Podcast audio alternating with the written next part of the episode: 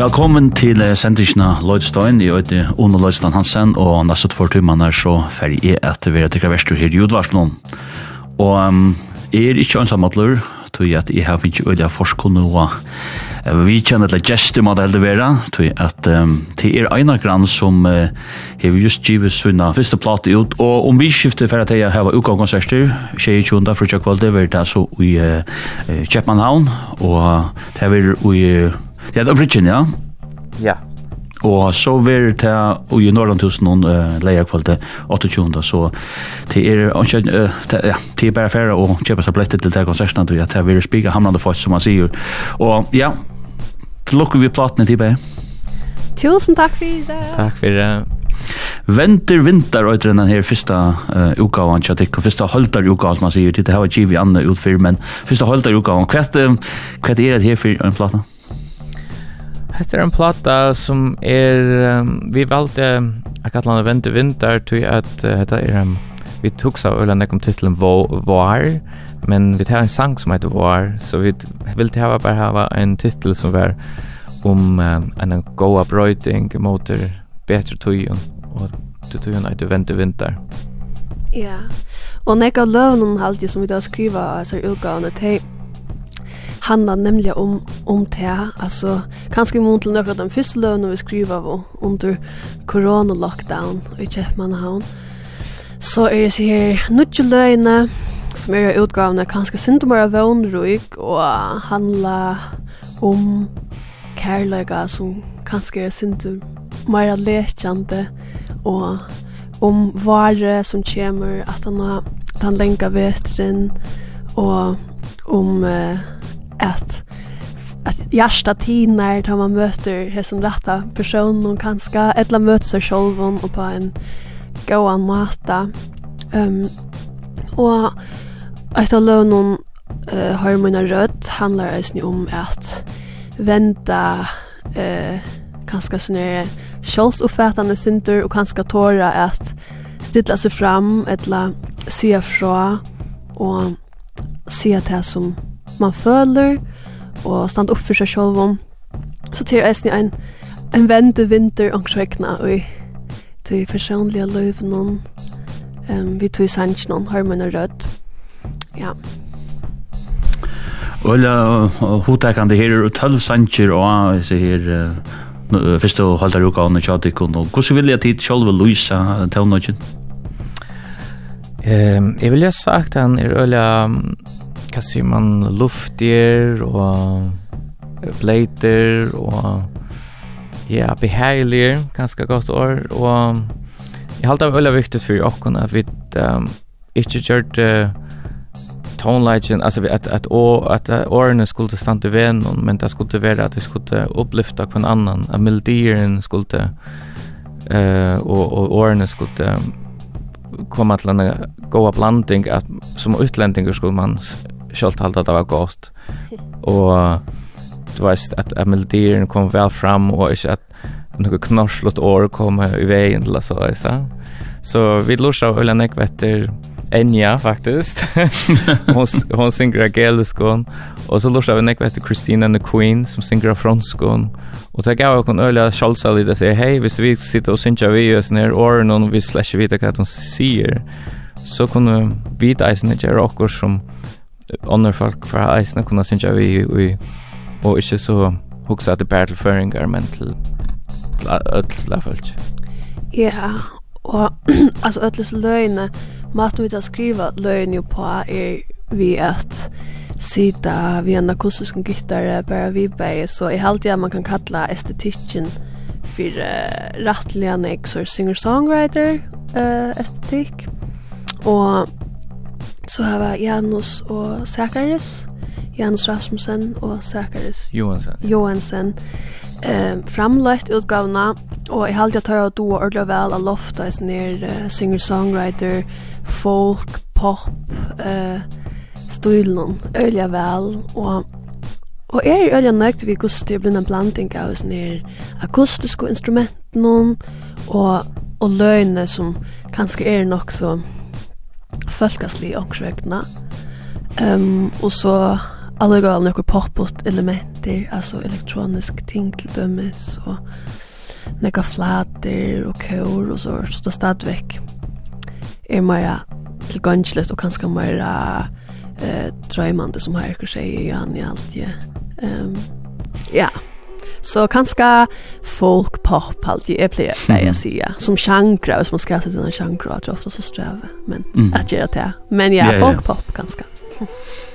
ja, och jag har alltid skulle spela på Twitter och og spela första Sanchez första change av och nu platne var utur han och kan kom til lukka som sier om den her sanchen det här var tosa syndrom att det är at det är sånt tema ganska platene og til dem också kallarna var men kan kom du säga om om sanchen Um, I halte sankeren handlar om at uh, man en personer kommer inn i løyve til einen og så er man kanskje hever versinter vetra slier og så, så kommer um, sommare eller vare og tinar det heila. Og jeg har nog stått litt för en generellt. Jag har lagt mest til bare en brista och sånne här bölkar. Så vi tar ölen nek, vi brukar ölen nek, myndamal, om väckre och så. Och det jag ska helt ikke for små ser bara vi brukar ölen nek, vinter och och vetor och allt möjligt. Så i allt vi föringar, du är så tatt naturen vi brukar ofta naturerna som um, ett mål för att visa hur vi har det känsliga. Så hette er en sanker om at, uh, at man tinar til varet, at onker kommer og tinar det, solen kommer.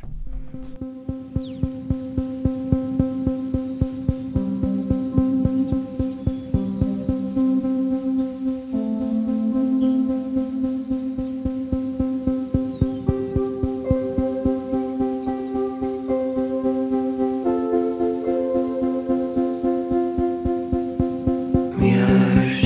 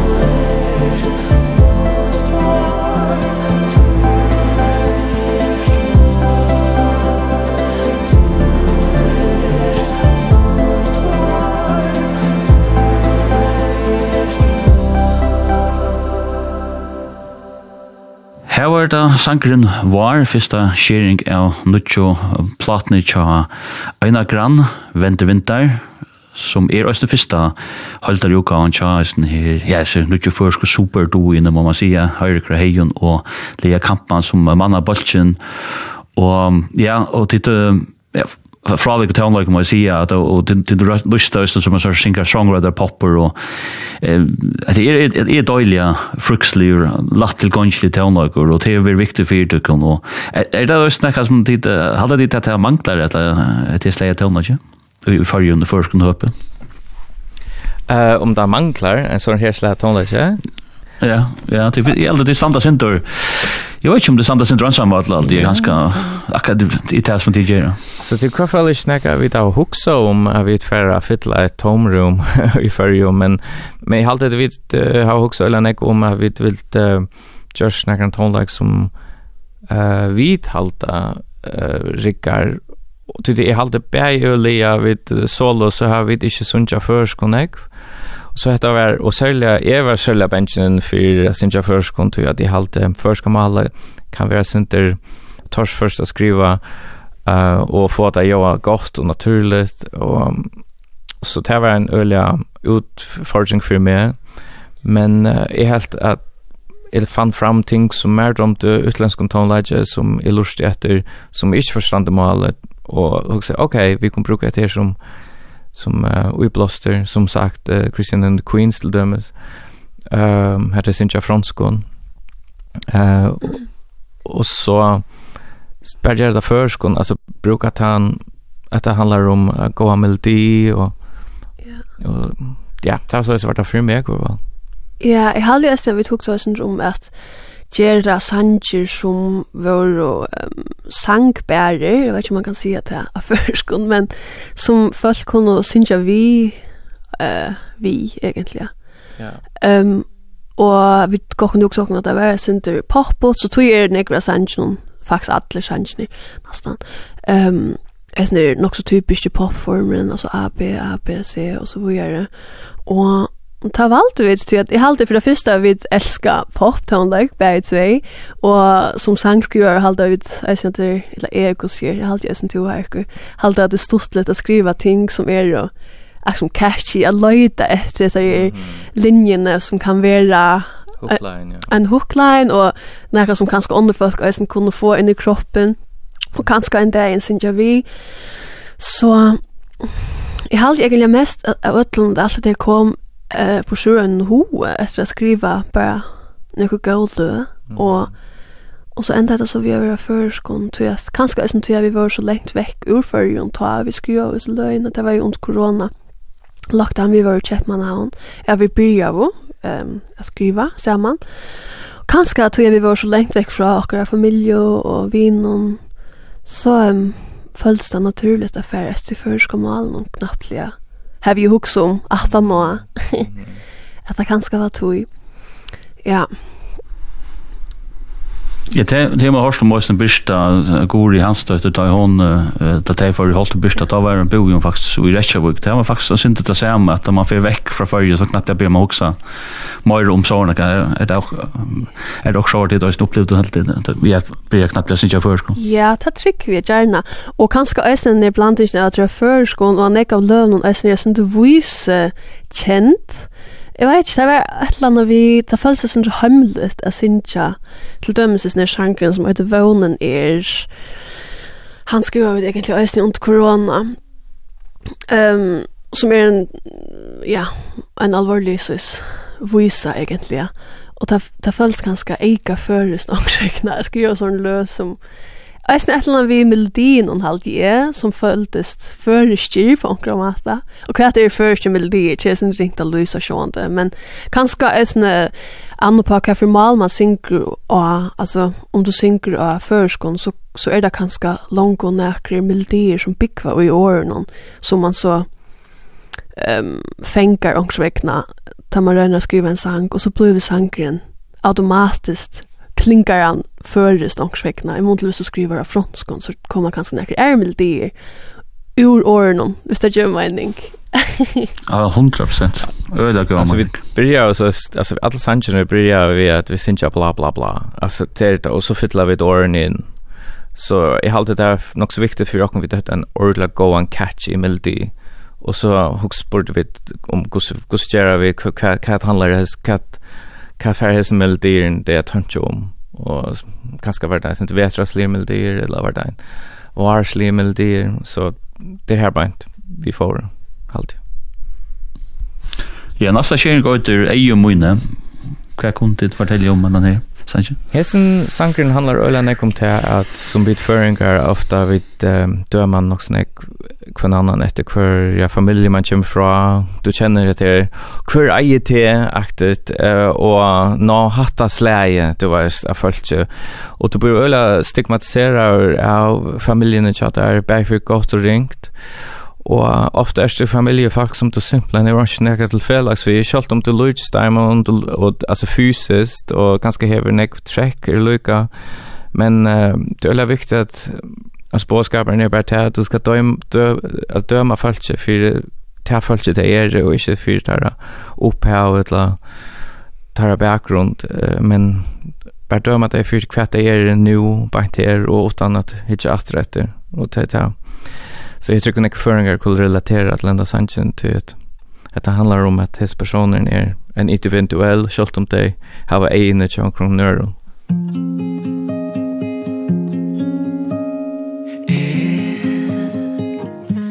Er på et tråd, kan ikke renne fra der og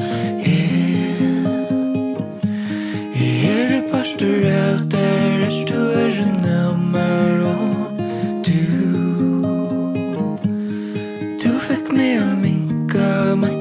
døyt lau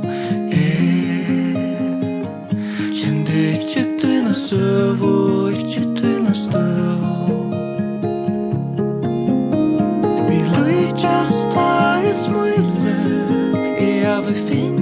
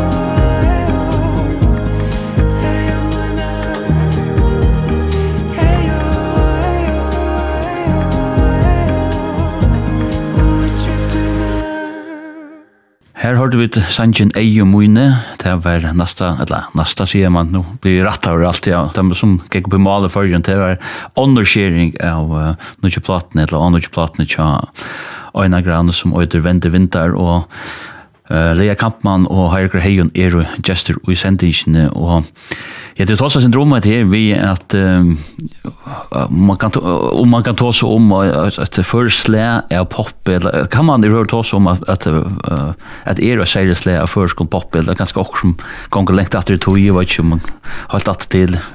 Alltså jag vill säga jag vill säga från min vi vet inte så är ju uppvuxen och jag vi lust efter Harskalinon och Annika Höjdal och Hanuske så det är avskam men också nek att du kat är förbundet vi eller kat är sett i samband vi först kan tone like early next year.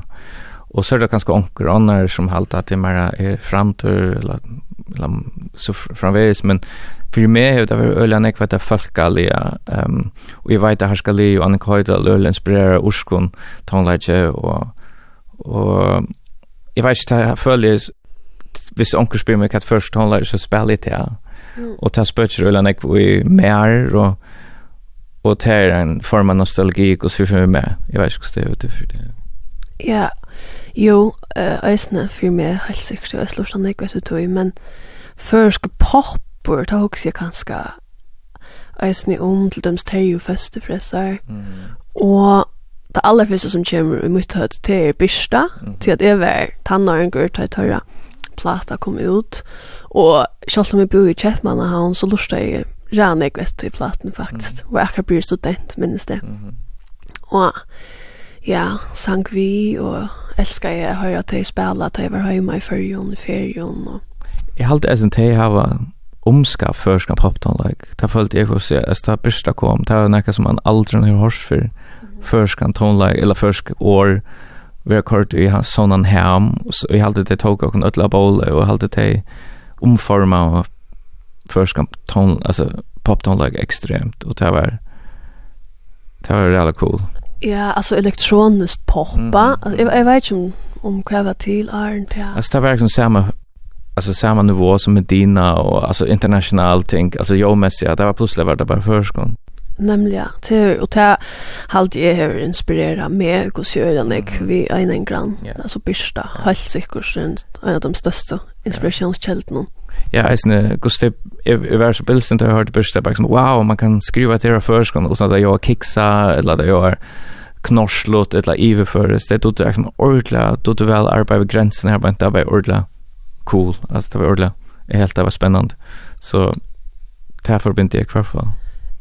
Ja, enig, og annars eisne, uh, For meg halte jeg en stor inspirationskälla eller tver stor inspirationskälla till att skriva förskon Kanskje vi en sånn mergerande smal Er en karpe ehm um, jeg halte at han brukar malja på en sån här själv ta han platan kom ut i 95 någon så halt han brukar att förska malja på en sånn här ralja kolan gerandeslian mata som man ikke prøvst at som slår et null år opp i åra børs for å skilja kvart kvart är han rönar fortälja och och då samma vi um, karta hotne ja, uh, platne chatajte ja. halt jag sni över ehm um, visla skumpa undernäka innan för förska sangskriving ja. målsliga ja. att bruka male akkurat så som vi tåsar på nu ehm ja.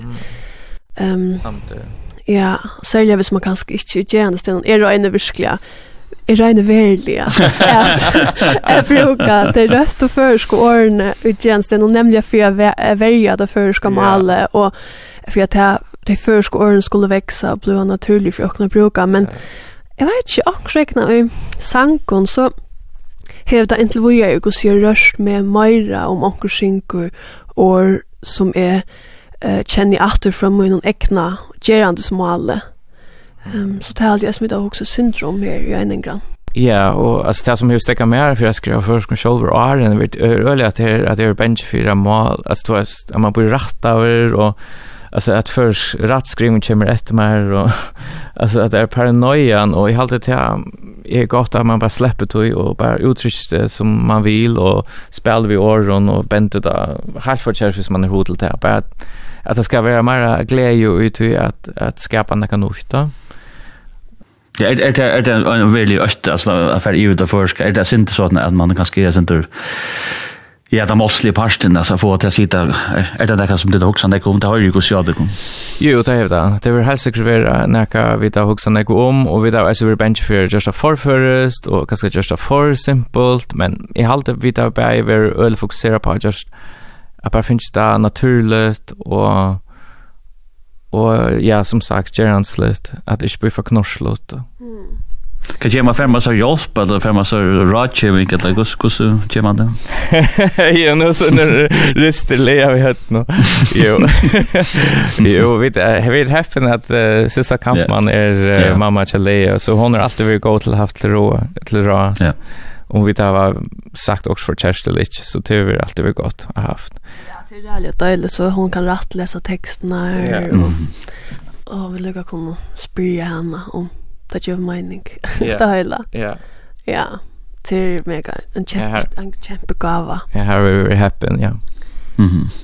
Ja, då nästa, den tredje changen av, av så här, eh, Fyrst og halda ruka og tjata ikon som heter Vente Vinter, det er en som heter Søgnfer, nok så stått litt uh, høyt i halvtid, at hver vi leste, så så ikke bare Seinfeld for meg. Altså så verst litt, SF og bare noe, ja. Men Søgnfer, veldig gott høyt, hva er det ligger i Seinfer? Ja, Søgnfer mestur jo slow motion av føreskånd, Og jeg halte at da vi skriver etter leie, så hugsa vi at vi skulle då regna å skriva en sang som var, eh, som luste akkurat som en scene ur en film. Og så halte vi tås sånn noen gang, ok, hva er det for, hva er det for scene? Og så søtt vi, ok, det er en, en person som stender i syrkos, uh, leier nåt, og, og er så veldig forelska, eller forelska for, og en øren person som eisen er å danse gulv noen, og ja, dansar, som person, høyspersonen dansar i slow motion, det føles liksom alltid i slow motion til personen kanskje sånn fotler, og, og alla sted som personen hikker, så er er sånne personen som som uh, han eller hon er forelska i här och ah personen kan inte flutja undan då er røyna trekka seg fotland tar skott och så det men inte rikkar. ja Og ja, så tan tan känslan av vet, det var. Ja, man vill ju en av drin at en bestämd person i atla tog. Fotlar kär like och fotlar ödlnör. Ja. Sars du med som er så tjute at sommar av er Ur kultan om Våne at du ena fyrfer Här sätta du her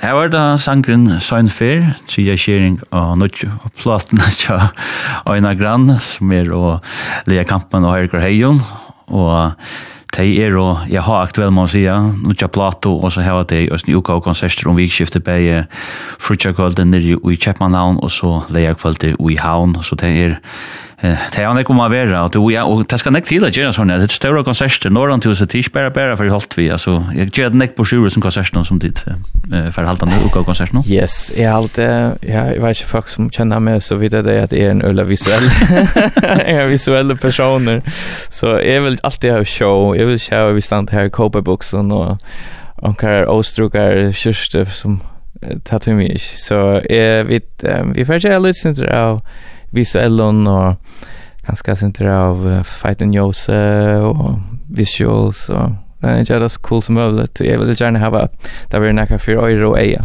Ja, det är det en särlig avbjörn jag skulle göra sådana snu er Norrland och åkra största paddlar man måste säga. Är det en särlig avbjörn? Uh, Avbjörn, ja, jag älskar avbjörningar så det är alltid stått till mig till jag bara, okej, okay, vi släpper inte hatta, vi släpper hetta och så arbetar man med sig um, mot en mål i arbetet, men Ja, jeg halte det var veldig stort til å slippe hva liter av hva sang, og hva akkurat mindre litt av hva sang, og vise dem til som er og Lea hava hava hugsa ganske ta vi da Skra sanger uh, via skapa stemningen eh, via at hava jós og, og ganske visuals eisen. Det er jo øyla flott og sånne huset og alt det Det er jo holdt, man sier, et, et grafisk, et sni rundt om balsen og sånne. Mm -hmm. Det er jo da at det er ja? Ja, Jag hade det viktigt för Jockan eller att det som är helt var stort lite det var att vi gör det. Är så förrest men jag brukar några för som inte nu just för och och brukar vara stolt för en på en kramata och bara tacka till tinsen som min det kvar du tänker också då med nostalgi till dömes um, gamla fittar mynter av uh, om och abbon och och William Heinsen och och så jag du vet blomstrene som er føresk, og Havnar Kyrkja, og jeg vet ikke, ja, og Førsk Minster, altså bruker det på en helt annen måte, prøver å sette det sammen på en helt nødja måte, og brukar ting som, som stæren, som er liksom, jeg vil si at tjofotler, i min mening, men uh, brukar det på en nødja måte, sette det sammen, og jeg moderne måte, stemmer at at jeg gjør noe gammelt så bare prøver å bruke det gamle og gjøre det nytt. Mm. Ja, er det æsni at, at du æsni pakker tingsin inn i visevelt, er det også en løyslig parst at du i verleika vi liv i det her vi sosiale milen og hva var det, at sånn man er just nekvar vi videolån, men, men, men er det blir bara moira vi kommer til aktuelt?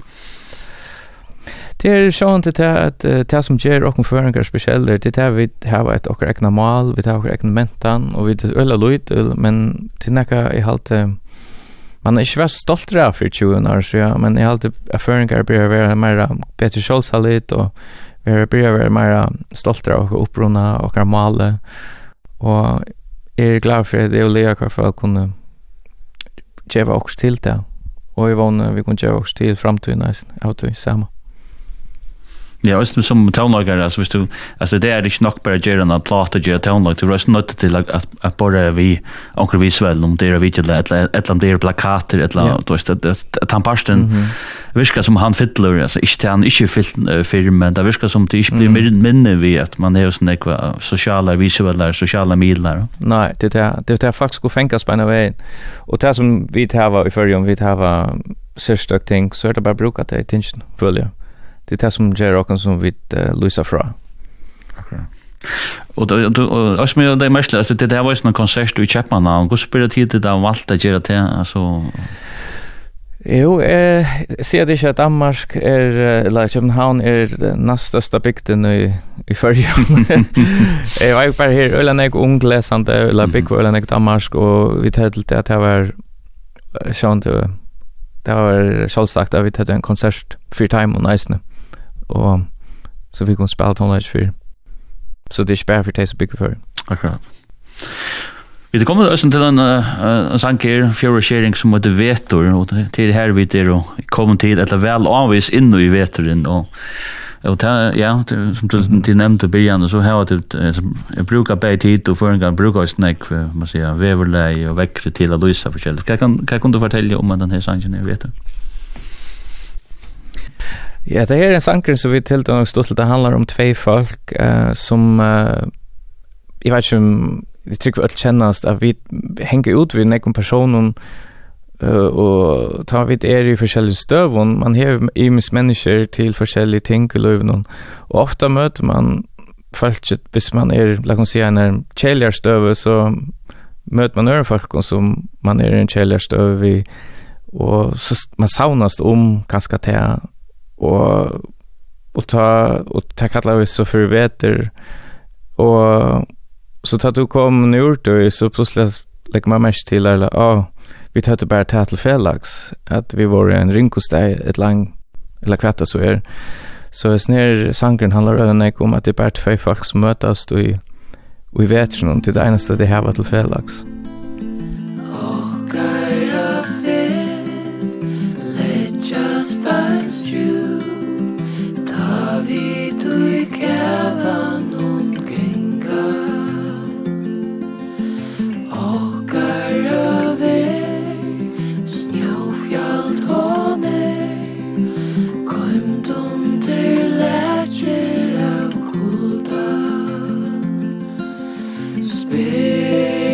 Lysmen, du glær, på Flikror nær og fedla Veturen du sars du nær Så tje hesne han ut her Du sars du roma ut nær Så tje ut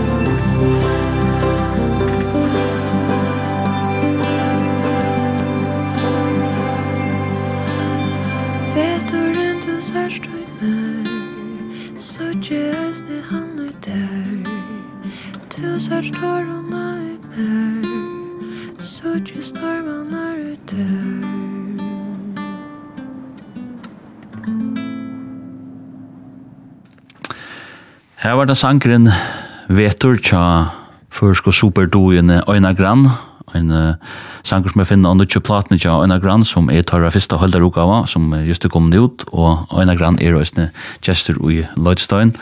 Her vi spela alle platene, og hatt det var så fjora skjering tja, uh, eller av platene som, uh, som er det venter vinter, og er uh, som, ja, så sier han spiga hamrande fight, og Men også med lukka som ikke er sporstikken syndrom, altså tidligere det er prosjektet kjøtt under øyne grann, altså ja, til det og kjønn det er det tvei folk som tøndestallet er ganske ikke litt så reala lengt fra kan røren hvis man hoksar om det, men, men til alders er det syndromon, og men hvordan er det her kom i le, at det her samband med tikkene på? Mm, altså, vi tar egentlig kjent siden jeg var ganske 13 år lukkjørt, ganske fyr. Tog er at mamma min og Heirikur kjennast og er gode viner. Og så var jeg jo nok så ung da vi møttes først før, jeg og Heirikur. Men så Heirikur var ångtig på besøk til mamma mine, og i Kjøpmannahavn, og så der. Og så sa jeg ble sindre eldre, så blir jeg ångtig av Sintja sammen. Vi gjør det til dømes en, uh, et cover av uh, Hounds of Love. jeg hukte faktisk etter henne dagen. Det er lenge siden jeg sier at jeg hadde kanskje over uh, 15, 16 ta. Var det det? Ja, ja. Det var right sen. Okej, ja, jag kan ska göra det. Jag kan ska göra det att se jag är också. Ja. Ja. Så Det kjem på appen ligga inn og det. Ja, men liksom själv om du er aldersmåner, så har vi alltid haft tonlägen til felax og det er jo ungan alder. og alder er resten bare ett tala, så han det. Ehm, ja. Takk. Ja. Og så, ja, så kom korona ta i 2020, og jeg flyttet ur Aarhus hjem til mamma min i Kjeppmannahavn, og til Tumkjøra, som er her i Jure, Jyllandet. Skulle du bo her, det var ikke det? Var ikke det. Ja, jeg minns ikke, ja, jeg kan skal atle jeg fra til førjer, til atle jeg nokka. Og så, og Heirikur, to skulle egentlig eisne vi er til Osland, så du skulle flytta til Uslands, men det etnast ikke, til alle grænser var lukka så, så måtte du leie et kamer for mamma. Yeah. Og det enda så vi er vi var i hessar uibund til mamma minne, av Fritzberg, i Kjepmannahavn, og i halvtid enda vi har vært enn fyra måneder, dere da, kanskje fem månader, Og det var faktisk, apropos alt det vi var og så, det, det var nemlig om vare. Nei, mars börjar det. Ja, og jeg minnes bare hvordan vekkurs det var at selv om det var en rally her og tog vi korona og alt var sånn øtta fullt og mist og så videre, og man var lengt vekk fra det kom folk og man elsker Så var det nok så vekkurs å suttje hvordan trøyne i Kjefmannahavn byrja og at få blø og alt blir blå grønare og solen skøyn og, og selv om öll det som var under nummerkon var mest på inni der egen uiboen og sånt, så tjink vi den ekva turar og gjør det lekkra mest og og nemlig har spalt koronakonserter, livestream hvers kvöld av Instagram og Facebook og så jeg halte det var det var en rævlig rævlig god oppleving for meg jeg hava teibæg, altså Heirik og mamma mine, rundt om og här vända ner gerande stegen också räknar som kollektiv noen kan man kalla det her som vi Ja, brukte okra kropp, følte okra føtter, vi har gikk tur kvendt det er, men og så eisen i høy med gjerne kreative ting, at han har spela tånløyk, og så eta saman. Altså, jeg, jeg vet ikke, jeg har alltid til å finne meg inn så ikke hva det egentlig er som er aller viktigast i livet, og det er ganske, jeg vil si at vi følte som han er gode vi, og och gjøre det som man älskar. det gör han också klisjé, men men alltså självt om världen var så lite långs vägna akkurat ta man var bara så lite uibon så så var alla hemmen på en måte inne ut i uibon eller det var det var nog det hade ju det värst. Man fann det också ja som du säger, vad det är viktigt alltså att lucka mycket och snägg. Alltså för en utanför visst du kör det till din grund vi på plats så lucka mycket. Ja. Yeah. Ja, nemlig, ja. Mm -hmm. Det virkar det virkar då som då man hör folk ta som att det vi koron att att att det var liksom inte mittelväg för anten anten som tid fick man några reella verkor så gott på sjur kreativt positivt vi att vi gör det på andra måten eller eller för folk var nästan till grund där ja. Ja. Alltså det är väl så alltså jag vet det är rakt eller när folk chillet men min personlig, det har varit den bästa tiden min liv till att Ja, till att uh, jag plötsligt måste stäcka och jag kunde inte gänga runt och renna till det nästa tinge som var bättre eller du vet, jag måste bara finna mig i att sitta i stä, sitta stilla och få det bästa på sig Och jag vet inte, jag lärde mig Ulan nek, att jag skulle inte stressa om att åh oh, nej, nu händer detta och jag är inte här och jag får inte detta. Men bara vara i mig själv och vara okej okay, i mig själv. Det var Ulan lärrukt. Lärde det aldrig gott. Ja, og ja, jeg er ikke av samtur at at ta på tamma tanna så kan jag innan man fick tog huxa och liksom liksom ja, reflektera ja. Och men den här sangen jag tänkte till till en småter detta till femte sharing av andra plattan vänta vinter så kontakt kontakta första hålla ruka som är även nu i sentisen. Kan du säga om om detta?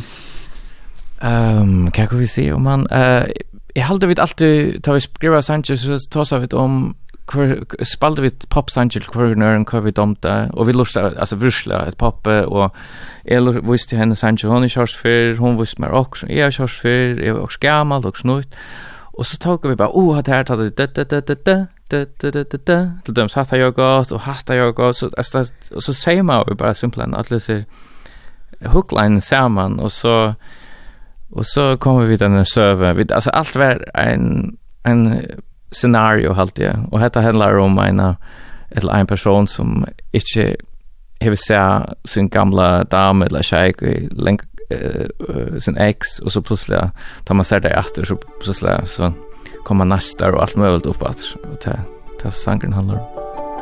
Reserve Valder Ta Jesus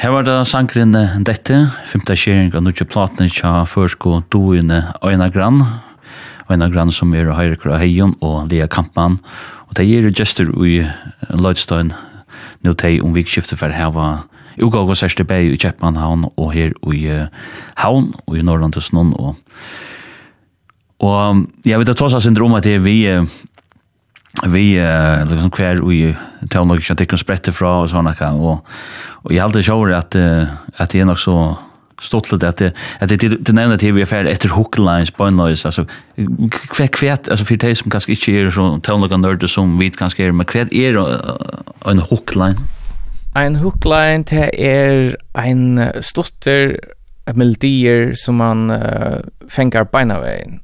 Uh, det er til dømes. Til dømes, det. Etla, hva skal vi si, ja. Dille, dille, dille, dille, dille, dille, dille, dille, dille. En hookline.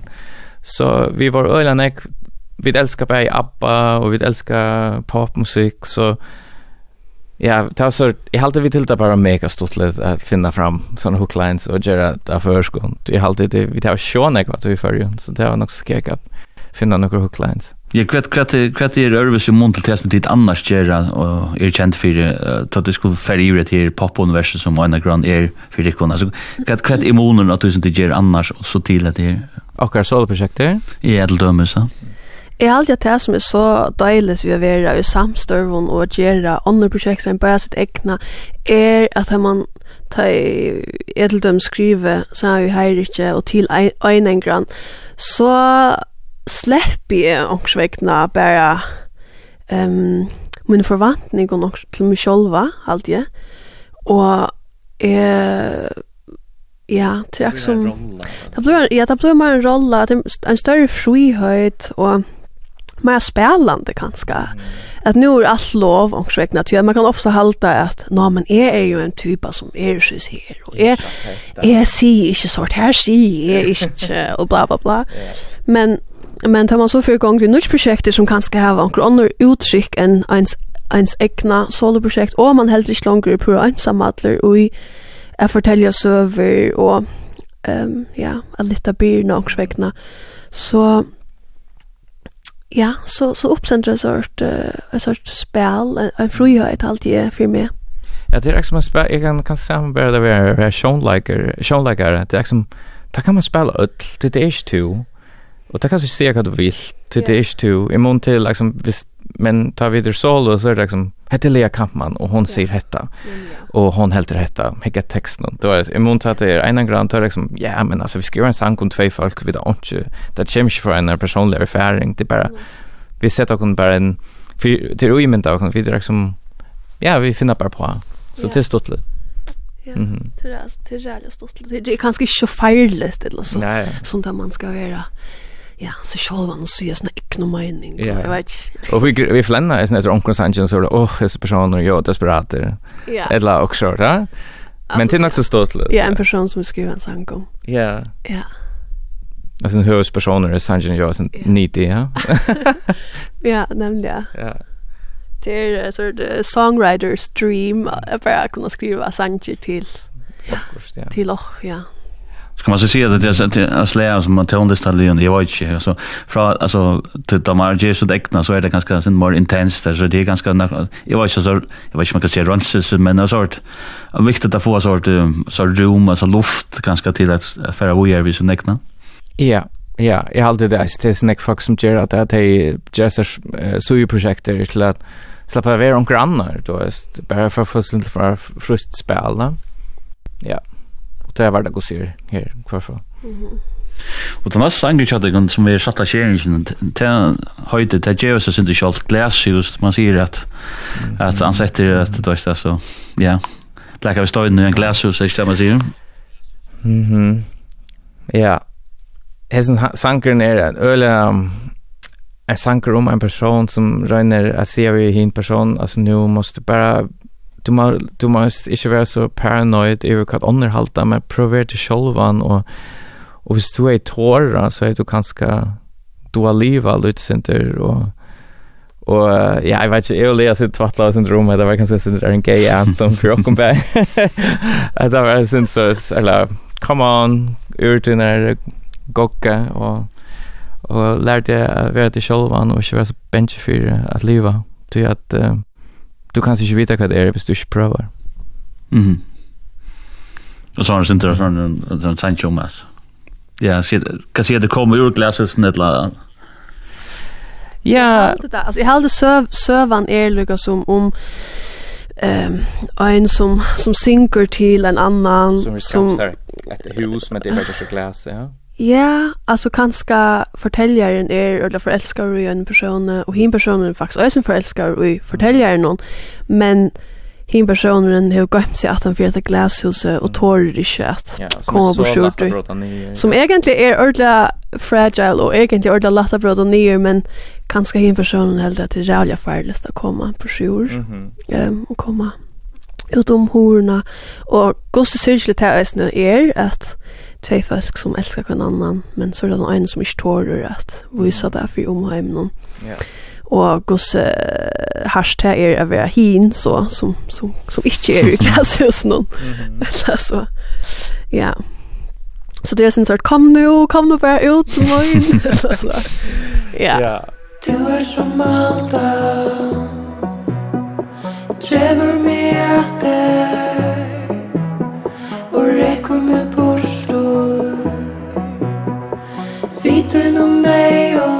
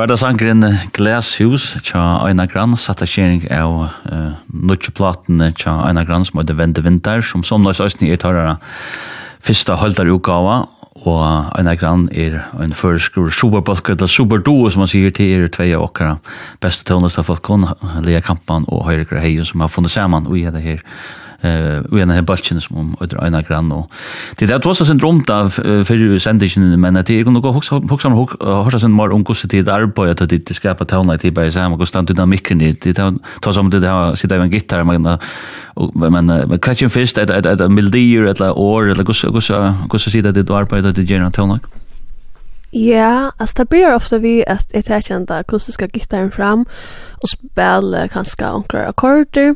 Og så blir jeg jo her ikke å synge i imskar melodier um, til disse akkordene. Og så mye han her ikke synger, så lustig jeg, og så, og så spiller jeg som vi gjør, så sier, åh, oh, wow, han tar, han tar reglene, her satt jeg vidt. Så velger vi til henne, og så synger jeg sin tur, og så sier jeg ikke, åh, det her er det cool. Og så arbeider vi vi videre. Så det er sånn så klippe klister klistri arbeid. Egentlig, kanskje er det en form for improvisasjon, som så verur redigera atana, og att man vi rör nog kom fram eller så is. Ehm och ja ofta så kommer melodin faktiskt först egentligen allt ja. Jag hade vi bär två är så är nog så melodi fixerade som vi det snart tar som jag annet det vi att vi bär älskar göra catchy melodier och då var väl poptonlägg och sånt så melodier det som ofta kommer först och så syns jag vet ganska bara onkursus jo som ikke ordentlig er i år, onkne kommer et lyd i år, vi, og jeg som vil til noen, og ja. Onkne så er det, vi sier, å, hatt man enda vi en å-ending, du vet, det skal ikke være en i-ending, så, så så finner vi et, et år som ender vi å, og eller du vet det handlar om något så vi får det för något för något att är jag gott ehm och i damer väl ehm vi damer väl ruin vi på men i allt det är så jag begrunda vägna att vi vill gärna ha joen eller lujast och vi jag eller melodin att det är orek var melodin att ehm att att ending kan få det samma joa på en kramat. Mhm. Mm Nu var nu vet inte men, men men lägger mest till att i allt att Tucho är att sankon är att höjt är bara 8 år. Hetta det nut nutjo nutjo ganska. Nutjo här det är mycket här att det är ju mun och så hormona rött och våna ner resten är 8 år. Var Vetur, dettur, glashus, kanska, blunda. Mm, ja, det er kanskje en sånn førisk trend. Det var ikke førisk, jeg nekva førisk og flater ofta Uh, han här Ellenborg, hon är väl nämligen, hever hon inte kört. Hon är hon också när kvar en setningar, hur var det? Är det också estetiskt då istället du är det där rent kanske eller vad? Ja, jag håller det, men det har slash också men det passar ju. Ja, men ja. Kanske är det bara störst att stanna ensam på en kromoda. Jag vet inte. Det har slash också. Nej. Nej. Og ja, og hvis vi ta satt og kjering, så er vi kommet til en som heter Kanska, en. Yes. Hette er, jeg vet ikke hva man sier, hitte. At det konstant som er uh, mest plays, ikke åkken og Instagram, nei, ja, Instagram, ja, ødelsen er Spotify og så. Ja, hesten er sjanker var, uh, hva hette den første? En av den første, ja. Ja, vi spalte, og jeg og Lea kom vi en noen melodier, og og så var det åren, jeg halte veldig stått hvordan vi kom vi åren, og til det vi, vi, vi vi tog så ganska det handlar om och så där. Så lustade vi efter en sån där Katy Perry som heter Hot and Cold. Och vi tog så bara, ah, det stod lite texter. Ska vi prova att göra det först gång. Så vi eh, tog simpelt en Hot and Cold av Katy Perry och och omformulera hen och och brukte och också om är det vi tar oss några matar så jag kan sko på förskon. Vi tar øle i muska matar så jag på så vi brukte forskjellige ventingar av kanska Og ja, takk fyrir Katy Perry at du gav okkur noe blåst. at det bara tutta en sang kjenne. Eh nej, vi tog det var liksom han var bara han var han var oblåstren. Alltså han hjälpte okkur kunde. Men det är nok en också en intressant intressant projekt at just så det kan ska komme något helt annat på skjut att det är förskom. Ja, nämligen og ta play det er slik, alltså du är ikke kunnet gita det men det är det mer att det hon ser du er, du er kanske du ja och nej och du kallt och du heter Så hon säger you're hot and you're cold, you're yes then you know, you're in and you're out, you're up and you're down. Alltså aktigt. Att det är kontraster och en person som man är som är konstant ogiva. Så är alltid vi ganska nek känna till att man är över ju en stöv. Vi fallt som det bara var totalt upp och ner. Mm -hmm. Ja. Jeg kommer uh, øyne grann vi kanskje. Japp. Yep. Kjemur bæra innut vinn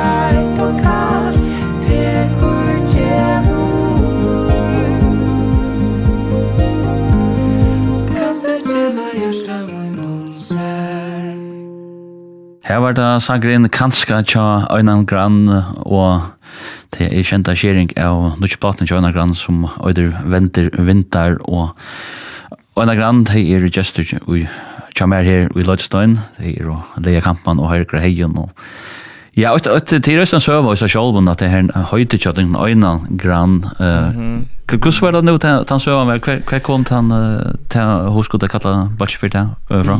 Jo, det er at som sagt så var vi i isolation samman, vi tror, jag och Lea och mamma Lea Cecil. Och, och alltså, allt är runt om här i isolationen, att det allt det där spurt, spurt ur äh, och är äh, isolation. Och, och det är skönt en grann inte vi till utan corona. Så vi tog så om vi kunde finna ett år som hej lustigt det så var det sånt isolation och som vi kör catchy och så också vi kunde finna ett ett först år och så googlade vi det center och språta vi sånt där. Och så, så fann vi ett år som heter Einan Gran. Och och av isländska Einan Grun betyder eh söttarhalt. Och så fann vi detta förska som ja, men te halt alltid en annan hat det är så att isolationen och i dömes ehm um, ta du isolerar en lightning så han inte rör hin. Mm -hmm. Så så det er en slä illustration så vi tok bare til året till vi tilta jag är nok spent. Eh uh, och folk kände det inte så därför nick att spåra nick spårningar så det var gott navn. Det vi lagt mest til hvis vi inte till dømes jeg vet ikke och så annars så vet jag man kunde göra så lätt som ett filmlägga fälla halt eller så så Jose. Jose eller det var det var ödligt jag det var Jag vet inte, så det, vi, vi till ena grann var väl fakt. Mm. Så så läs på det ena grann. Ja, det är just det. Jag hade det ett, ett gott höjde. Jag hade det folk hade gått sig tisdag till sån. Ja, det, att, ja. det är också en viktig part det av det att det är också vägna fänkar. Ja. Ja, nämligen att vi huxar på Twitter. Så det sätter spårningar och så tog minnas folk. Mm. Men det är också just nu om det tar tar sitt hit att sankten som är rå plattan och såna kater. Att det är ju given ek ut som ett lärda men men det är inte att sanken till det ju som är rå här. Hur ser det valt ut alltså ja det det är också sanken för mer då väl som som som inte är här ehm till dömsas när vi ja såna nöjda att vi kör vi kör med. Ja. Jeg halte det så vi valgte ut fra, altså det er Corey Heim, han gjør mer elektronisk, han er mer pop og det er mer discoaktig. I måneder, alle hinner så vidt jeg har vært bare en tarjer nok så mer akustikker og hava en um, øle organsk an. Så vi valgte å køre teaplatene, så det var bedre halt og, uh, og passa mer til, ja, til det som vi tar seg om, at det var en venter og uh, tema, at, at, at det er fra kulton til hatt etla fra etla øvost da. Så det var det tema du kort på. Og vi helt er ikke bedt sammen. Ja. Og men også må jeg også om til samband vi som en innspilling så hur hur ser her det där arbete vi finner så sannsnar spaltar inn altså hvor hvor hvor er vi og sånn her. Ja, nu skal du høre det er nok så innvikla tui er vi var vi var nemlig oi så oi på og vi slipper jo angav vi og vi vil gjerne arbeide sammen med Janus Rasmussen og Sakras Johansen, og tar bo i Island. Og vi slipper jo sjøen til noen flykkvarer, og slipper jo omgave vi. Men nu bygger vi det en fantastisk tog her man kan arbeide og nøte, så jeg og Lea, vi setter oss nye i computeren, vi har en mikrofon, sunker i tempo, sangener og i tona, og så sendte vi sporene sted til Osland, og så mottok der det, Och så spalte där så instrumenter och kardproduktioner och så sände där åter fram till och och till visa det hej kanske lite det här är här kommer vi ha en tamburin här kanske ha klaver här och så samstarvar allt jag net utan vi när kan möta kunnern jag tog in så det var en också speciell process. Ja, det första vi tid röna arbeta på tomaterna. Eller det var rätt det. Ja. Ja, det var först för jag har aldrig provat det för men det rycker. Sjön det var det optimalt eh men det har vi kunde göra vi tar tog in vi hade. Ja. Jeg har aldri eisen ångsvegna det vi en frihøyt ui tui faktisk, til at jeg vet ikke, det var et eller annet vi bare skrives løgne og senda det sted, og så sleppa døymon og du har ståla sånn ekko på tørra tørra evner og tørra smak og lukka som vita, ok, okkar er bøtner er trygg her ivre, eller søs og torra kunne torra må gjerne heva til frihøytna at att producera det så som de vilja. Och som oftast så var det rakt tar akkurat plätt allt Ja. Mm. Och huxa och några helt andra ting än om vi det sitter i studion så är det löjande ganska låga helt över så tror att ja, det er ofta så at man arbetar i en studio som man synes, jeg vet ikke ordentlig om hva damer har hatt det så vel. Og, I stedet for nu så, så går vi till något som ta imot lov at Alltså jag undrar jag det det det teacher tog det det arbete när några projekt men kan man ta sånt tant mat och arbeta på som kanske lite mer effektivt än hvis man sitter och bøler dyr studio. Ikke fyrt her. No. Det sjón det det så mot her en studio det og rett og det. Därför vi vet det her så att vi kunna det på en vägen så det var inte optimalt för tire men men så svårt att att vi det skulle inte komma så det var bara så, så vi gjorde det, men jag har er otroligt imponerad att det bare, att det bare till. Och det blev så gott som det blev. Men jag är inte chockerad över tar evnen i behøver, jeg er ikke stål på någon annan, så det er slags pilsen i det, eller det rikker jeg. och og Øystein det som uh, sitter lorser ute, så, så går jeg till oss for i nätet faktiskt. de sitter och köper navn, jeg sitter i havn, og så får ja. gjør seg til. Det, mm -hmm. Ja. Det är så sån. Och det är att snäkt till. Det var jag vet kom till han här sanjen till Holmunar rött. Jag hade nämnt han för i sändningen och sen och sen så när man ser stand up and shout att också sankor och så Cold Arms eller vad ska man ska se. Jag kan inte fortälja om den där sanjen. Ja, alltså pura. Det är en server om att att kanske ha varit og still alt for lunge og bare sia ja til ting som man kanskje verlegan ikke burde sagt ja til, som man i han føler oks anna fire og glem funnes for fornekvun og kanskje glem seg sjolva og jeg tror at man um, kanskje ikke over elsker seg sjolva og nekv uh, så er man enda over en sted her som man er drukna over og.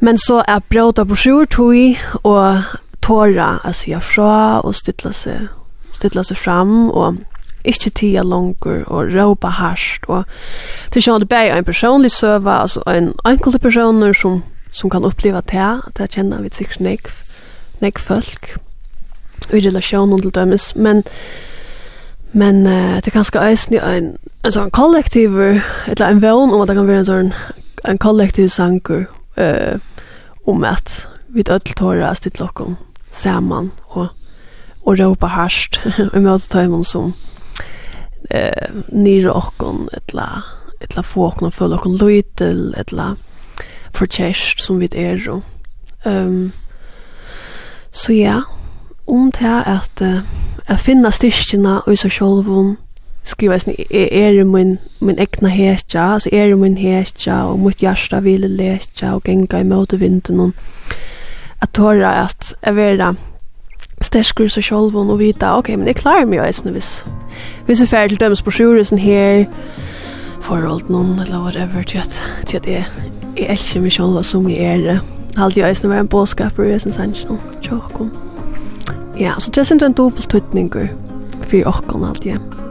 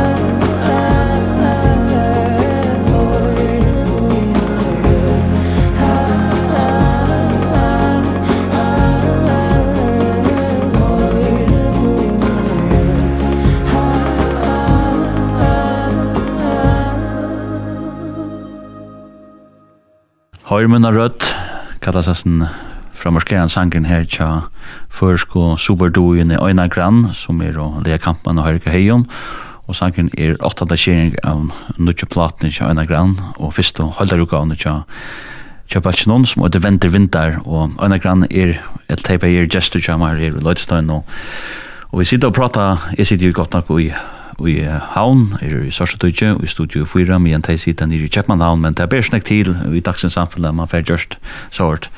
Hvis det ikke, man får sette seg sammen, tror jeg tid, det var ikke om øyrene, og, og det er fire røyke, og jeg skulle uh, spille uh, UK-konserter om vikskiftet, dit uh, han spela fyrst under konsert i Kjeppmannhavn, og det var ute i, jeg sier, Nordatlantisk Bridge, ja, det er ikke rett skilt. Jo. Ja, og så spelar det den ja, til frukja kvalitet og så spelar det den nordan tusen og leir kvalitet. Og jeg kus jeg kus ver man ser og moderna først kus ver sett oppe til det ser ser konsertna kus nei folk har det vittig kon og såna. Vi vera tjej folk tillsammans av paddelen, så det vera jeg og Heikur, um, og så vera Vinjar Eresnes Petersen, at han genton, og Magnus Johannesen, eisne av Tangenton. Og Mika Black, og Hein Siska Davisen. Og Per yeah. Ingvalder Høygard av Trommon. Mm -hmm. Så det var faktisk uh, en rast stor, en stor bølge, og det var, ja, full on ja, hvis, produktion. Ja, hvis tid er en super, en super duo så må det være en super bulk. Ja. Alltså, jag också hvis, hvis, hvis att det var en hero så där man inte väl affär krutcha av vet. Ta fast ta få sig next next in där att här. Ta passar vi er så. Ja, ta vi så där. Jag vill takksom og heppen, for jeg tar jag hodla spela vi. Ja, gusse gusse kommer så där så där spelar det dig eller gus gus, så gus gusse sauna det den sån en super bulk. Ja, vi tar va, vi tar sport ehm um, för en artist så gärna vi spalt och essen så har vi Per och Vinjare för och Hejen för två månader sedan och så hade han turné ta. Och ja, och så manglar vi den bassist och Maria Keys och så spurte vi Mikael och Magnus och tar var så vi var så heldiga att ha att ja. Så det var ordentligt gott. Ordentligt gott vi och kon lik. Ja, nu nämnde det där vi hur så platan blev till alltså synte till så du chapman och sen då sent då tillfället att Sanchnar ut till Reykjavik till Jens Rasmussen och och och um, säkert sin bil Johansen uh, men hur så det så att skulle få ju för att till uh, till en pall konsert? Ja, alltså det er uh, det är alltid spännande att göra. Ehm um, ta teker tog, ta krona kvar vänningar och sorgt men uh, Men ja, jeg har alltid tatt flere over ordentlig godt i vendingerhølen, og så, så tek man lykka som sang for sang, og, og på en måte framløy sjansene av nudjona, jeg skal finne av hvert hver tonleikere skal spela, og hver er hver roller som er av utgående skulle være vi live, og hver er hver roller man kan så ikke prøves det av vi, og, og så hvor jeg, ja, hva blir til å gjøre live. Men um, det var inntil vi har vært rævlig godt samstarv vi tar imot, så jeg øtest ikke. ja. ja. Er det ja, er den erbjørnga som, som er skiljen andre tar flest av tøymene i førgen til det nyrre, er det, det er ganske annet?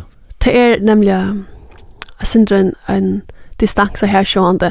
Så maten vi venner jo på at det er vi at komme hjem, en av vi går æren konsertene, og så venner vi kvendt det nekva, ekvann ekvatøymer opp til konsertene. Og så spelar vi konserter for det og lærer det.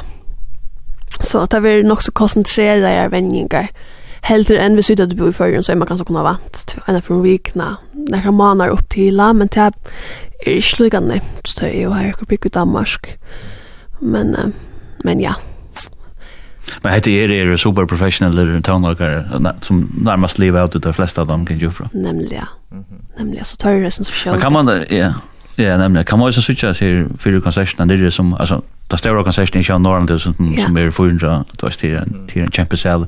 Er det også, er det ganske godt høy, at det er en konsert i København først, at de får lukka som det passer det ordentlig, ja? Helt sikkert. Det er en måte at uh, prøve det av i publikum og vita hva rikka er og ikke. Det er ofte ting som man heldig rikka vel i vendingarhølen som rikka slett ikke. Og, så, og omvendt at det er onker ting som man heldig slett ikke rikka og som er stor suksess. Så tyckte jag att det är nämligen att det, vi kommer se att hej i Danmark ganska är rockar kanin. Först kan jag kanin. ja, nämligen. Så jag vet att komma till uh, nudgen sharing nu.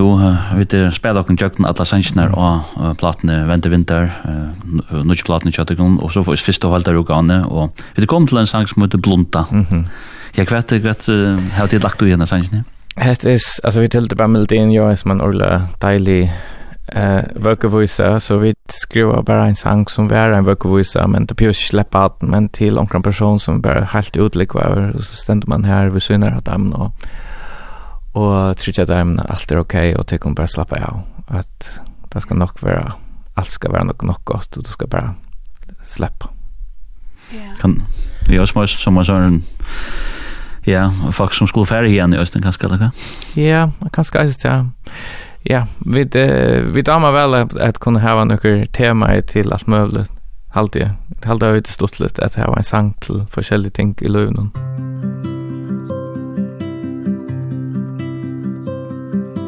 Blunda vi mer, blunda vi mer, jeg skal drøyma vi der, drøyma vi der, til stjøtten her, tusen detta ui Himmel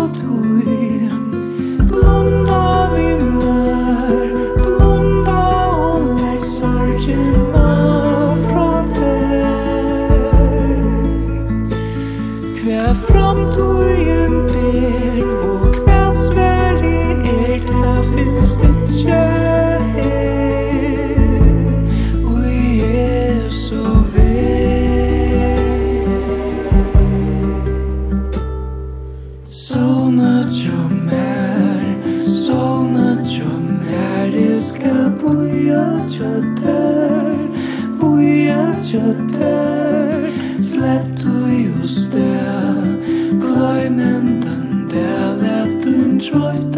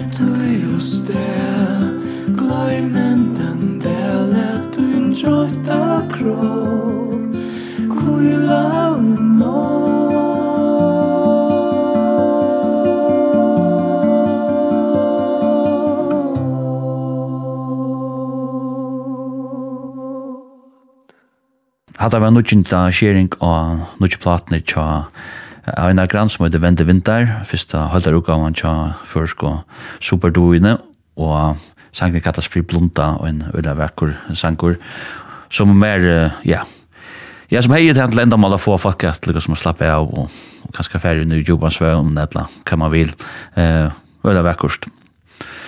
Og ja, tid til, den tar som at vi at, at, at affärer lukka som at um, nu spela du utgåga sester om vikskiftet, men gott gott gott så at det kunna at einar grant det hava just nu gongt du i Florida øren prosjekten void fra, mm -hmm. uh, fra Gavun Kjeldon, ja, sida som er tætt lassen, jeg vet at to arbeid uten å kjøre plat og det og sånn, hvordan passer øyne grann inn og jeg til alt det som det gjør annars, og har jeg tur akkurat givende kjøre plat ut faktisk? Ja, jeg vet ikke, det som sagt, det var et prosjekt bare av tilvild, så altså, vi vi har unga planer som så, vi har bare det som vi har arbeidet mot til å give seg platene ut, og og vi där slash snackar fram til er näka sort så det var bara av att jag det här ut og och spela his learn bit have också längre än det. Ehm och vi där spara eller glad för att vi fick oss snacka stol till dessa platna och var sälja för hope switching vet vi det per till. Ehm det är extremt. Det brukte det och det kan jag vet att at vita att at vi får liksom stol för på något för falskt. Extremt rörande och eisner press. men men men gott press. Eh uh, vill sig okej vi vi vi måste så platna för te eisne. Eh vi undrar om det att vi tar det har stolakom så vi rönte jag också bästa och nu har jag ett som har stola finns en platta som gav eisen för okon. Ehm Ja, och andra ting eisne. Ehm så ja, det var vi alltså ja, som sagt, vi tar unga plan og vi tar hetta var bara ett sort ett projekt vegna av isolation som hände så hetta var hetta var alltså nu i kors någon känner jag men Lea hon är gång som sagt är var jag gjort en platta som är att att jag tolkar lönen i Björsk eh sangrintna och så har vi synare av så arbetar nog snack vi min solprojektet så la band som heter Cobra Cakes og vi har nok snakk ting kvarandre som kommer, som har kommet ut. Og Lea, hon arbeider på en plate selv, så hva sier du Lea, hva sier hva er det for noe? Mm, ja, jeg er for en gang til å skrive en plate av førskånd, um, så har vi teite, og jeg er spent på at uh, deile henne, vi følger, Og ja, så det är till väldigt spännande. Till ja, till sex för som är inte 100% säker på när det kommer ut, men men det kommer kött. Och ett starkare hist och här så kommer att utgåvan ut eh i början av nästa år vant det. Så det är en rävla dejlig och god process här på så har vi teite, så til det som jeg arbeider vi akkurat nå, jeg gikk i skola, jeg kjøpt mann og havn, spiller noen konserter, og ja, planlegger seg utgavene eisene. Men det er ikke noe utgave. Ja.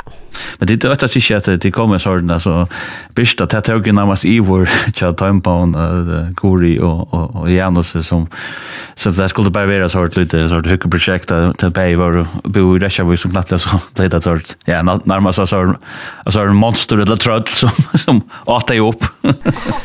Nej, jag tycker det är så för det har en ordla hardcore pop och jävla störst då är sen första syns det att jag vant inte att det bläser upp på samma mat men men uh, ja alltså jag huxar är verkligen glad för den kvanta plattan kom nu ut och jag hoppas hon får sitt egna liv och folk för att njuta sanchner och och som sagt att Lisa Sanchez har kurs i tema att folk relaterar till kursen sang så jag hoppas därför titta som jag tror att vi list och segla sankon alltid så man skriver en sank så så kom folk komma flere år at nå og si, oh my god, det er sånne sjankeren, det har brøtt mitt liv, og han fikk med så nekla at, jeg vet ikke, det er sånn at jeg livet ved kjeitjen, et lef komme sammen med hans person, og man sier bare, hva sjanker det er, jeg men slett ikke, just det er ikke. Du vet, og til til så er det fungerer ikke som bød, de får sitt egna liv, så sjankene, og de brøyta, altså de får sitt egna liv, så det er utrolig vi tonelager på den måten at, at, um,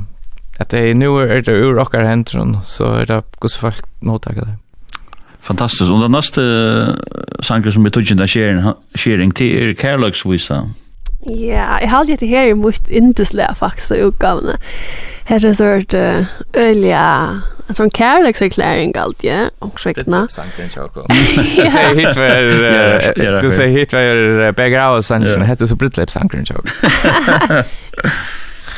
Ja, dette er uh, en sanger om at jeg har funnet en person som, som man uh, damer ordentlig vel over sammen vi. Og uh, jeg har funnet en person som kan hjelpe øynene i kjøkkenen, ganske noen ting som man har bruk for en person jeg vil sammen vi ser og i. Uh, stola og og at det som personen ångsvekkene er vidt til å leke hjertet tja, tja øynene Og, og er snæ at disse personen uh, gjør det plås, laver jeg tur, og gjør at man kan skal være enda mer frier og enda mer seg sjølva. Og at tar man føler at man skal gøyma seg, og man kan skal være for angst, eller være bensjen for sånn Perlan og doktor, så, og kanskje ikke tåre å fortelle det för personen så så säger han eller hon du kan skott du kan skott öppna det och jag är här jag är verande chatter. nu är det där jag fick ställa tidigt för sjur texten och vi tar oss att platna lite känd fram och för jag. Men men läs ju texten upp i det. Läs ja Nej nej det är Ja men det är det är det som ständer i texten faktiskt. Man väljer och man väljer man vill en lös samman man vill en annan till och Mhm. Og det har eisen krever hardt arbeid, og hvordan vekkert det er, da man er kommet, akkurat, kanskje eisen i rom, og hina søgina, at nå her er perioder, et eller annet. Sjån det, det betyr ikke alt bare er en dansere, og så resten av løgn og så, men jeg må være, ok, vi klarer ikke nøysen i kjøkkenet det her, men... Uh, men det ska nok komme en hörperiod efter. Alltså vi säger att det är inte... Men vi tar ju fall, ja. Vi satt inte... Vi tar ju fall hver annan. Ja, vi satt inte prototypen på en brittläpp sang, så var inte kvar det. Jaha. Vi är klara till Bojengar. Skriv bara till mig. Ja, men så det här bojen för nu, det här kommer Karol Swisland, Tja Einagran. Tui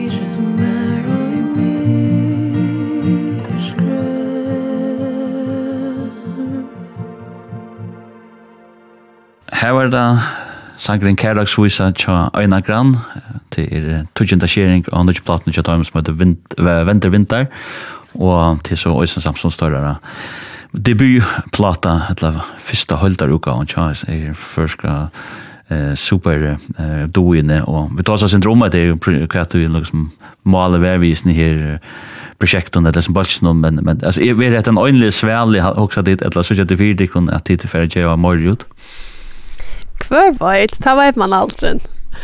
Ta veit man aldri, man veit kan hva gøy man sig innan og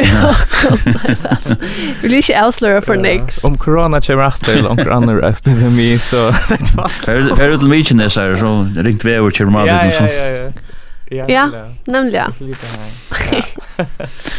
Ja, vi, ja. Vi får se. Ja.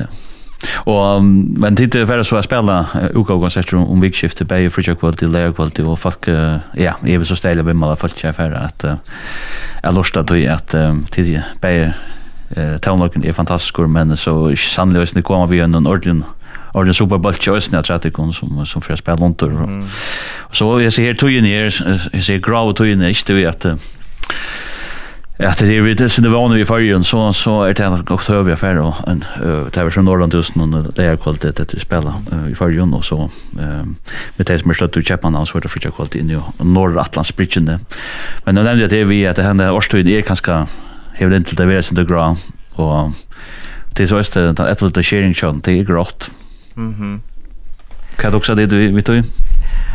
Jo, det er eisen, nå er det alt tross om vi vekkere, vi vet er føringer, det tar man ut vel til oss om, men eisen sankeren handler om at, ja, is, men da var vel, jeg vet ikke om det var Oscar Wilde som sier det, han sier, uh, you need to have a little bit of darkness to see the stars, så det handler om at, um, at alt, det må være et yin til yang, og tar man, uh, det må alltid vara en kontraster, alltså livet är kontraster och och för vi vet att man har det godt, så måste vi da vite hva det är har ringt. Så dette sanken sier att ta alt for skal grått så bara vita att här blott hantan det er groa skutje så at det här sangen handlar om. Tacka som man ser att över skyarna är himlen alltid blå. Ja. det är faktiskt sjukt som för nu. Nej, er jo ikke Oh my gosh, tusen stycke. Nej, men det är en fantastisk sang. Wow. Fantastiskt. Det är, det är faktiskt okej. Men uh, ja. At det er så tjock som. Nej, helt inte. Nej. ja, kommer det. Grått. Tare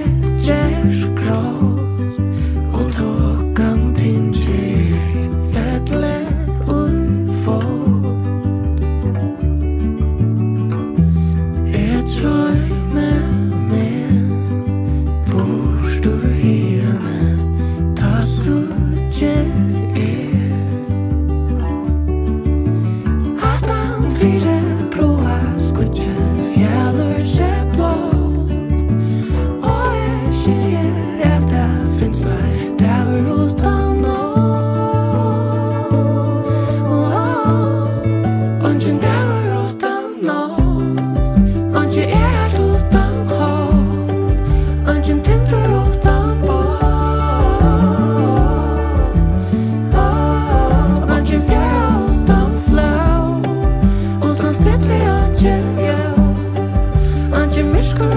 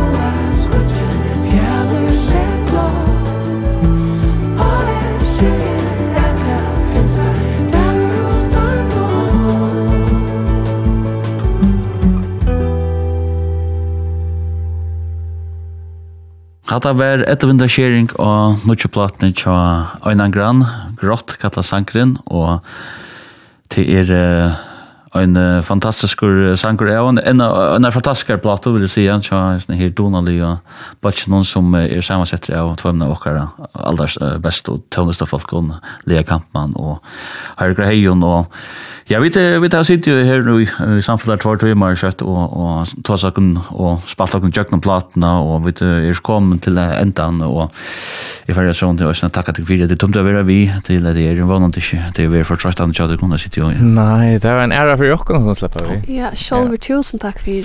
Så deilig. Ja, och till tecknar ute som som lustar så så är det viktigt att notera sig att en grann om vi skiftar för att här var jag OK konserter först i Köpenhamn för jag kvalte og det var Norr Atlas Bridgene, og så i Norrlandhusen og i Havn uh, leir kvalitet, så til ikke alt alltid atter, men at uh, leipa av sted for å oppleve den her um, døylige balsen og, og tøvnløgjen tjatt som er, ja, i alt det sjåer er, er uh, døylige tilgangslig, og til er det som det er lagt et nett, det skal være en latter, latter popper, mm -hmm og til halde ju ett annat stycke och kus kus jag det själva altså, du vet, at det är tjänsten att toja få altså, platt nu kus det nökt nu att det sitter vi vi är Ja, ast det är otroligt lätt på en kramat att det teach så länge tog och och till reisen bara offentligt att stanta vi öllum produkterna nu vi i handne Alltså det var en här först på tammatan att det är tids, som sagt, det är sin sträva att arbeta efter fram på tammatan. Och, och ja, men uh, otroligt att, att det är här nu och man är sent är jag vill säga sin målläser men det är så dejligt. Ja. Är det där är eller är det nog med så utgåvan att man säger och är det alla klär för så lögne är det klär för det lögne är till och jag hoppas verkligen att det blir något lös som føringer kunne få några broschyr og Ja, er er rætt tacksam for at vi har gjort det her, og det er faktisk nok så rørende at standa vi vi uh, produkten nu alltså till ja faktiskt nästan helt avfärtligt. Alltså till vi börjar ju för chimlar så gärna ja så några löner är sent äldre och faktiskt de flesta är nog är sent ur dem så något då.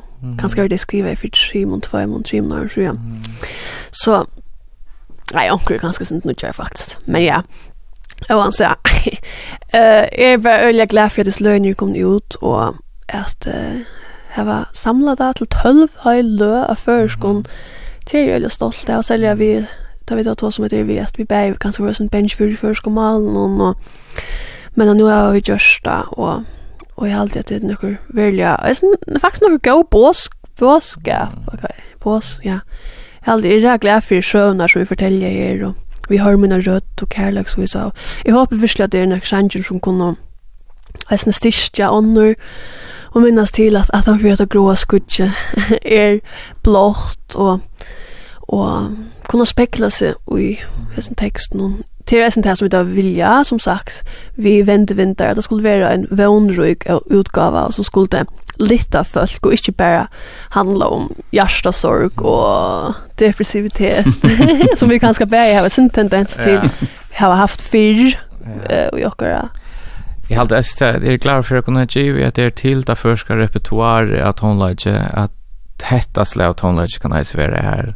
Och är sälja bilds nu att ha spelat där för utländingon att det sitter jeg vi det er annars ikke det synja om men det er har det ordentlig godt, og det synja vill det känna løgene, men ikke årene, men og ta på jo eller rört det av altså, wow ok, okej okay.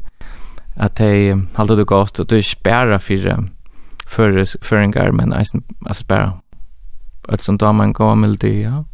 Så det är alltså rörande för mig men det är fakt ja. Eh som sagt är synd mallis ren i Malika. Komma ner och göra något att du att ja, det är det är inte harst men det är värst att land alla väg. Kan man kan man bara stå som alltså när man hör dig och fortälja att att John tycker det uttrycket är ganska som vidare center så säger. Vi kallar det för synte tungt att det är tungt kan man säga synte alltså man tar så om ganska sorg och sånt ting att att att att här vi en sort befriande när var vann förskor men att att det löste kan ut över en sån hafte kanske som det där var vi kanske haft att gå. Jeg halte det her, man hever tendens til at man skriver sjolver, at man fer ui at det her, um, jeg vet ikke, man kan fer inn sitt ekte høtt, sånn jeg, va? At, uh, og til at jeg skriver ensamt, tonlag ensamt, så kan jeg øyne hva fer ui, liksom man fer ui, en sån rumstering i omkrona. Här är det väldigt gott att ha en annan person som säger ja okej okay, vi jag där. Kom vi gör det. Ja. Kom, du var nu nu nu skrev det också annat. Kom, du var just och här man eller uh, ja, så det, kom. Nu får vi göra. Yeah. Nästa kapitel. Eh och titta gå över tar man här skriver sen vi omkrona öron att man får en en en som ser det utifra eisen og sier, ok, okay, här skilte vi, du sier at det samme år i senaste vers. Kom, ja. uh, du vet. Jeg har alltid eisen kanskje som sangskrivare så har jag ofta følt at det var sin til kiksa å skriva lø som var positiv. Alltså, jag som att nej, men så skriver jag ska det helst vara att det var för det ska vara ordentligt djupt och och äkta som hade varit sin syrligt där man ska vara sin lojande konstnären uppe i loftskammare som många pengar över och hur brått i hjärta.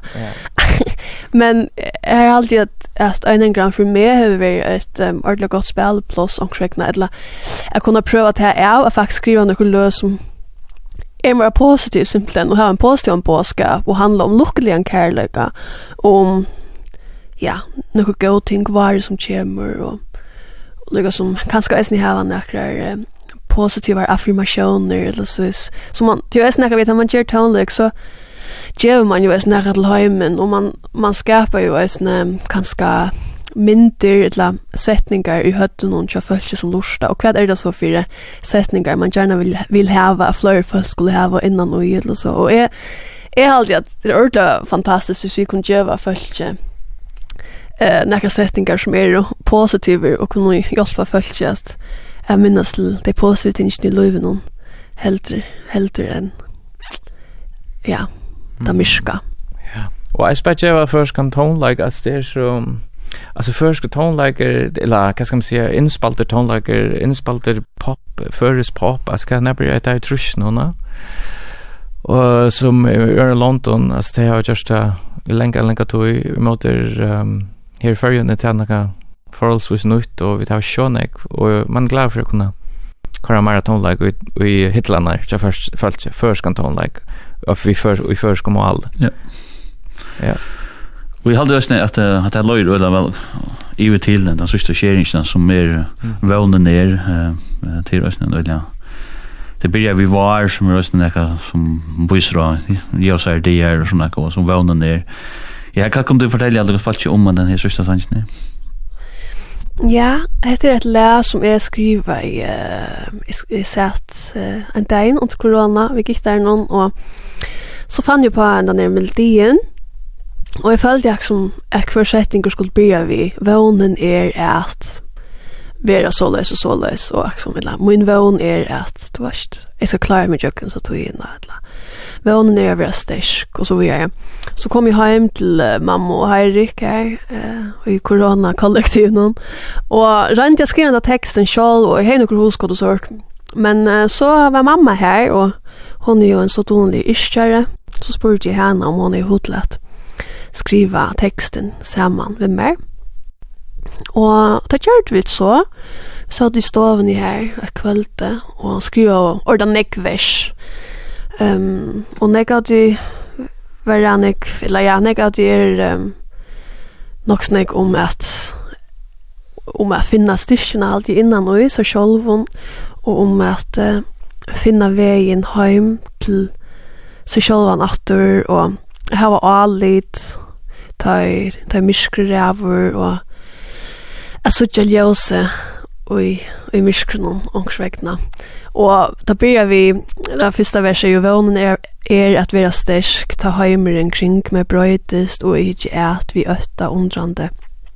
Og det skriver vi tog at vi var mitt i korona togene inne, og alt brøytest rundt om åkken, og eisen alt det der vi sosiale milen, og telton, og alt gong så kjøtt, og er så stressande, og så var man ångst, så kan man bare och stann du inte jag vinter över så skal ska ske för snö men någon men att är rena vi stäsk så självon alluika vel og hålla fast i seg självon og til dömes som man fann det og man domte vel et, mer et søttende tempo under korona så kan kanske rena hålla fast i tog og i löv noen vi är det og ja for att skicka mot seg selv og sin dröm og så någon i nära ljuse och skräckna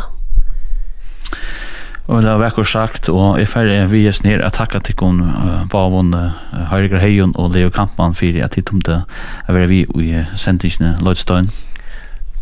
Til vi som takka. Tusen takk for Og vi håper at søtja alt falskene frutja dagen og leidagen. Ja, vi gleder oss. Og det kunne eisene bare si at man kan kjøpe seg platene, og vi til Marian glad at signere nere der. Ja. Och ta kon och dans här bei bäti konserterna men ösnä är sanne. Ja, ja. Ösnä utolt. Og, och som sagt så så är det för kvalitet att det spelar ner i Nordatlantsbridgen i haun och så lägger kvalitet är det i Norrlandskusten i Havn. Och det är sen det här hon vill så ensam ösnä hösten men og vi har lagt ut av heimasynet til kringvars som er kvf.fo framskak Lloydstein og hun kommer også ut av Spotify så folk kan lorste etter enn her ute hvis det er hodet til og ja, enda enn fyr, til på en takk for det og ja, her kommer så uh, Døylig Sangren som er Vånen er tja Einar Gran og nå ikke platen til tøym som heter Venter Vinter alt er best her ute og ansen vel etter kun sjå Vånen er at vera sterk. Ta heim kring meg brøytest og er ikke er. Vi østa omdrade